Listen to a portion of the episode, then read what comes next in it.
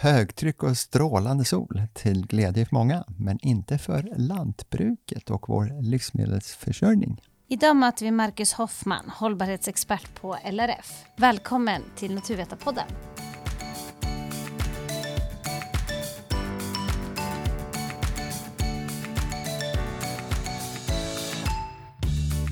Efter en eh, ovanligt torr och eh, varm eh, vår och försommar så växer nu i eh, mitten på juni ett högtryck in över landet och det blir ännu varmare. Vad kan det här innebära för lantbruket, Marcus Hoffman?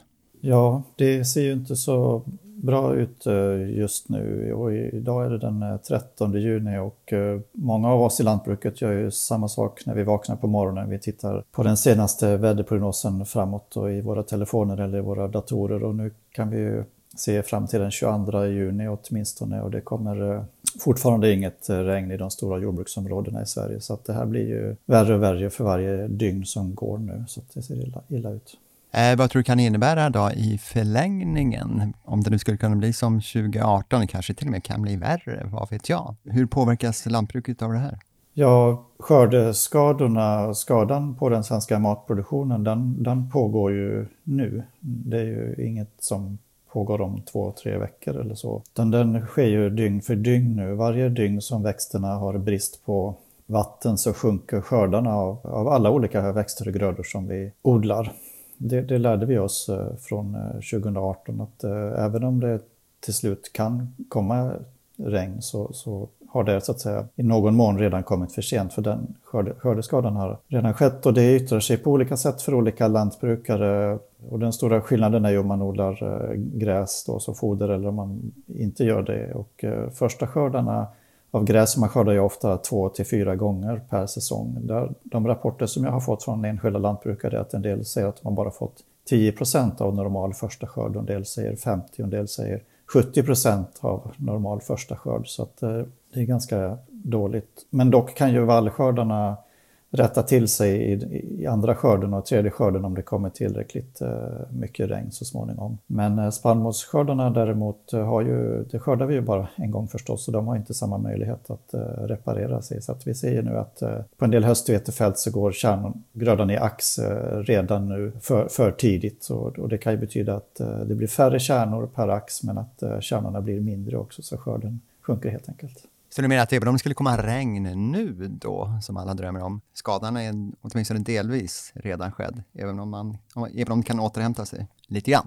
Ja, precis så är det. Och det är ju i de stora jordbruksområdena i södra och mellersta Sverige så är ju grödans eh, största tillväxtfas, den är ju i andra halvan av maj och, och, hela juni.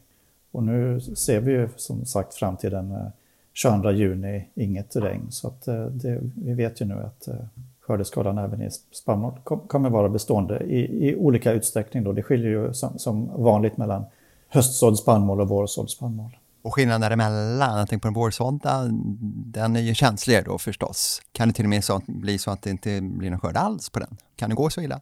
Det kan gå så illa för lantbrukare som har sått eh, sent av olika anledningar och som har eh, lätta torkkänsliga jordar. Så illa det skulle det kunna bli i värsta fall och då får man ju väga kostnaden för att skörda med diesel och annat om det är värt eh, det. Men vårsådda grödor som är sådda tidigare och kanske inte så torkkänsliga jordar kommer klara sig bättre och höstsådda grödor som ju kan börja säsongen tidigare med en tidigare rotutveckling efter såddes på hösten ser ju alltid bättre ut. Det, och det är många höstvetefält ser ju fortfarande fina ut så det, det varierar som vanligt.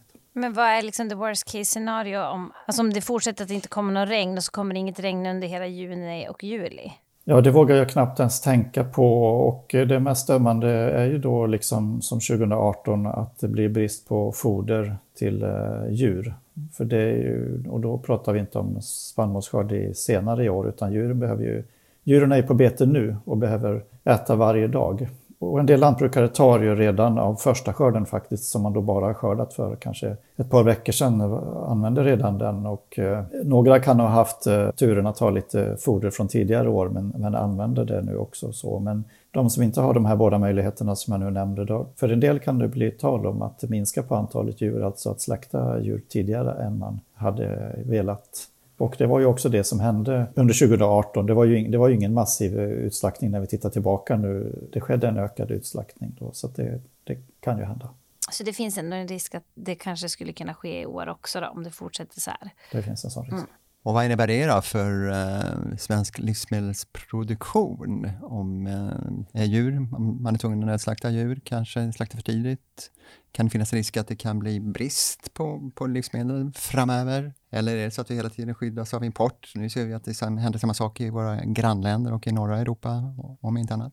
Man får väl eh, hålla isär här en kortsiktig och en långsiktig effekt och eh, det blir inte brist på mat i affärerna och det kan ju täckas via import som du nämnde.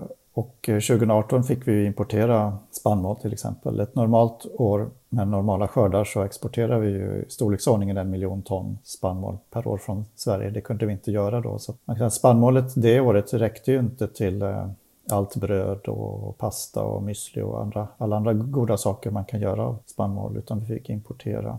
Men eh, den där tanken förutsätter ju att Eh, de inte har torka samtidigt i de där länderna som vi vill köpa mat ifrån när vi själva inte har mat så det räcker. Så det gäller att vara, tänka på vad vi, vad vi utsätter oss för. Sen den här långsiktiga effekten, eh, då är det ju lite så att eh, i normalfallet så slutade en bonde var åttonde timme i Sverige, tre per dygn, tusen per år. Och risken är ju vid alla typer av kriser att det blir en extra puff för lantbrukare som slutar vara lantbrukare oavsett om det är mjölkpriskris eller om det är en kostnadskris eller en torkakris eller någon annan kris. Så att vi, vi behöver inte färre lantbrukare i Sverige. Det, vi blir ju en miljon fler i Sverige var femtonde år ungefär och alla vill äta tre gånger om dagen. Så att om vi pratar om resiliens, motståndskraft och beredskap så går ju de där båda kurvorna inte riktigt ihop. Att vi blir fler och det är färre lantbrukare som ska göra så att vi har mat att sätta på bordet. Så du menar alltså att det är tusen lantbruk som läggs ner per år? Tittar man på Jordbruksverkets statistik så är det ungefär så. Var kan detta sluta? Kan det bli så att Visst, det blir större och större gårdar förstås, men om vi tittar på arealen, är den densamma eller minskar den också? Åkermarken eh, minskar också, så eh, det blir allt mindre åkermark att odla på i Sverige. Så att om vi vill ha fram mera mat så betyder det då att eh, biomassaproduktionen, skördarna, behöver öka på den marken som är kvar. Och sen ännu en pusselbit i detta är ju förstås eh, det geopolitiska läget med kriget i Ukraina och detta och behovet av ökad självförsörjning. Och det får sig en törn nu, kan man tänka sig. Eh, ja, det får sig en törn, eh, det får det ju. Men samtidigt så, så lyfts ju livsmedel och mat och odling och lantbruk upp som eh, en, en viktig del i totalförsvaret. Så att många fler svenskar är ju intresserade av beredskapsfrågan nu och kommer det verkligen alltid finnas mat i affären och det märker vi på LRF i våran vardag att vi har lättare för att bli lyssnade till nu. Lantbruket har helt enkelt blivit eh, viktigare sedan kriget i Ukraina. Sen finns det en annan aspekt på det där också, just apropå klimatförändringar och som ju kanske den här torkan under 2023 är ett exempel på.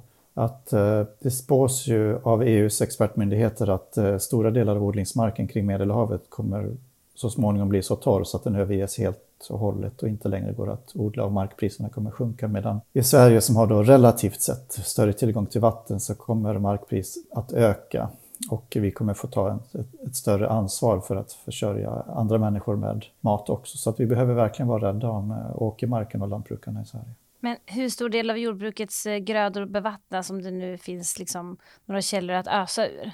Ja, det är bara några procent av den svenska åkermarken på 2,5 miljoner hektar som eh, bevattnas eh, under ett år. Med den befintliga utrustningen så skulle det gå att eh, öka det något, men vi får tänka att 90 procent av marken nås inte med bevattning, utan vi har en matproduktion som är helt regnvattendriven. Och vi kan naturligtvis öka bevattningen, men de flesta lantbrukare har inte sina fastigheter vid sjöar eller stora vattendrag där det finns så att säga inom citationstecken gratisvatten att tillgå utan man behöver skaffa sig vatten och det är ganska kostsamt. Antingen kan man borra djupa brunnar, då borror för grundvattenuttag eh, eller så kan man anlägga bevattningsdammar. Och eh, vi har lärt oss sedan 2018 att eh, en en normalstor bevattningsdamm som rymmer kanske 100 000 kubikmeter vatten, den räcker till att vattna 100 hektar ungefär. Men den kostar tre, mellan 3 och 5 miljoner kronor att bygga. Så det betyder ju att de flesta lantbrukare kanske aldrig kommer ha råd att eh, klimatanpassa sin eh, livsmedelsproduktion för att det, det är för stora investeringar helt enkelt. Men det är väl lite annorlunda när det gäller grönsaker, potatis, för de bevattnas väl som regel? Så vi, får, vi kommer få vår potatis hur som helst? Ja, det får vi hoppas. Eh, potatis är ju en näringsrik eh, gröda, stapelvara för oss svenskar och eh, en stor del av potatis och grönsaksodlingen vattnas. Det är helt rätt och många har ju kontrakt med livsmedels handeln och eh, har liksom skyldigheter där, man, får, eh, man ser till så att man kan leverera den volym som man har eh, kontrakterat. Så de, de, har ju försett sig med tillgång till bevattningsvatten och lönsamheten i de grödorna kan, kan ju vara mycket högre än för spannmåls och, och vallodling så att möjligheterna för att bevattna där är ju bättre. Och framförallt är det mindre arealer förstås.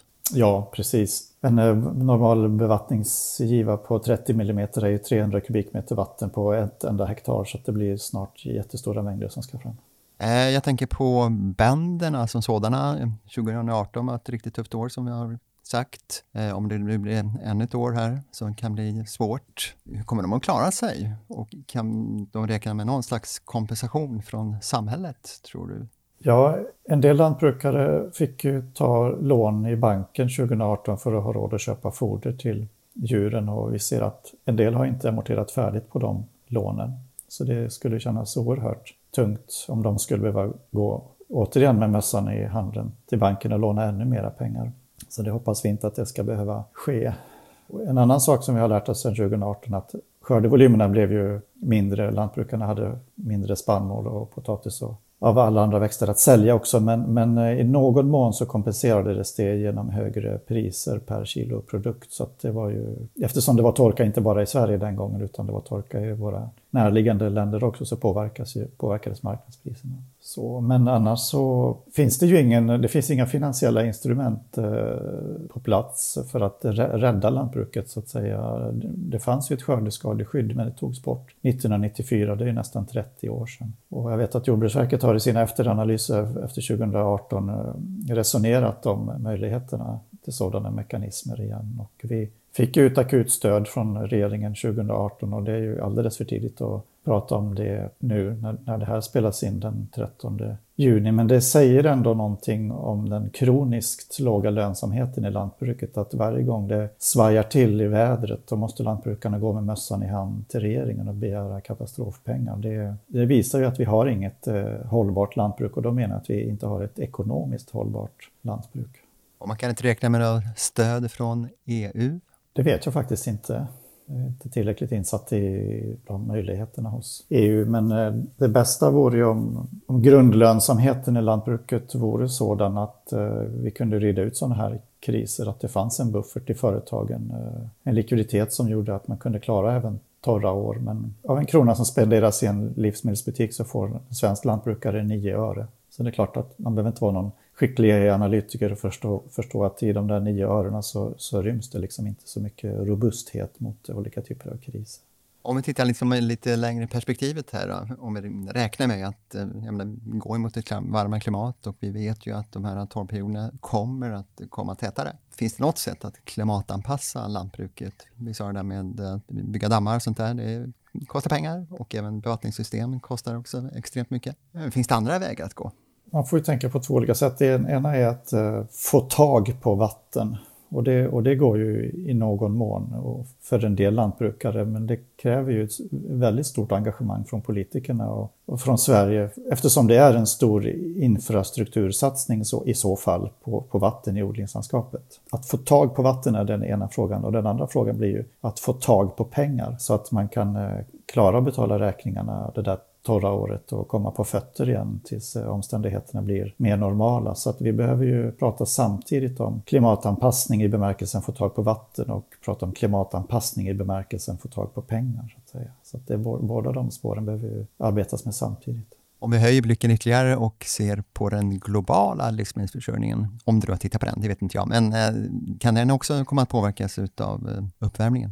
Ja, det, det nog inte bara kommer utan den, den, det, görs, det pågår redan även i andra länder. Så det är inte bara i, i Sverige och, och det är väldigt eh, oroväckande och flyktingar kan, kan ju bli flyktingar just på grund av extrema väderhändelser. Men, men det kan ju också bli så om man inte kan försörja sig och odla längre på den plats där man lever så, så behöver man också kanske flytta på sig. Så det här är ju det här är väldigt starka krafter som sätts i rörelse på grund av klimatförändringen. Och som du var inne på tidigare med Sydeuropa, att det kanske inte ens går att odla där om, om tio år. Nej, precis. Och det, och det skakar ju om även i det finansiella systemet. Om eh, markvärden sjunker och det är fastigheter som är belånade. En del banker, jordbrukskreditbanker, har en stor andel av sin utlåning just i markvärden. Vad, vad händer med de bankerna om, om de förlorar säkerheten för sina lån? Så det, det kan vi nog inte riktigt förutse. Det kan bli någon form av kaskadeffekter i värsta fall. Och just det här med maten, det har man ju på ett sätt eh, tagit för givet, under, åtminstone under hela min livstid. Men det kanske man inte kan göra i framtiden, låter det som.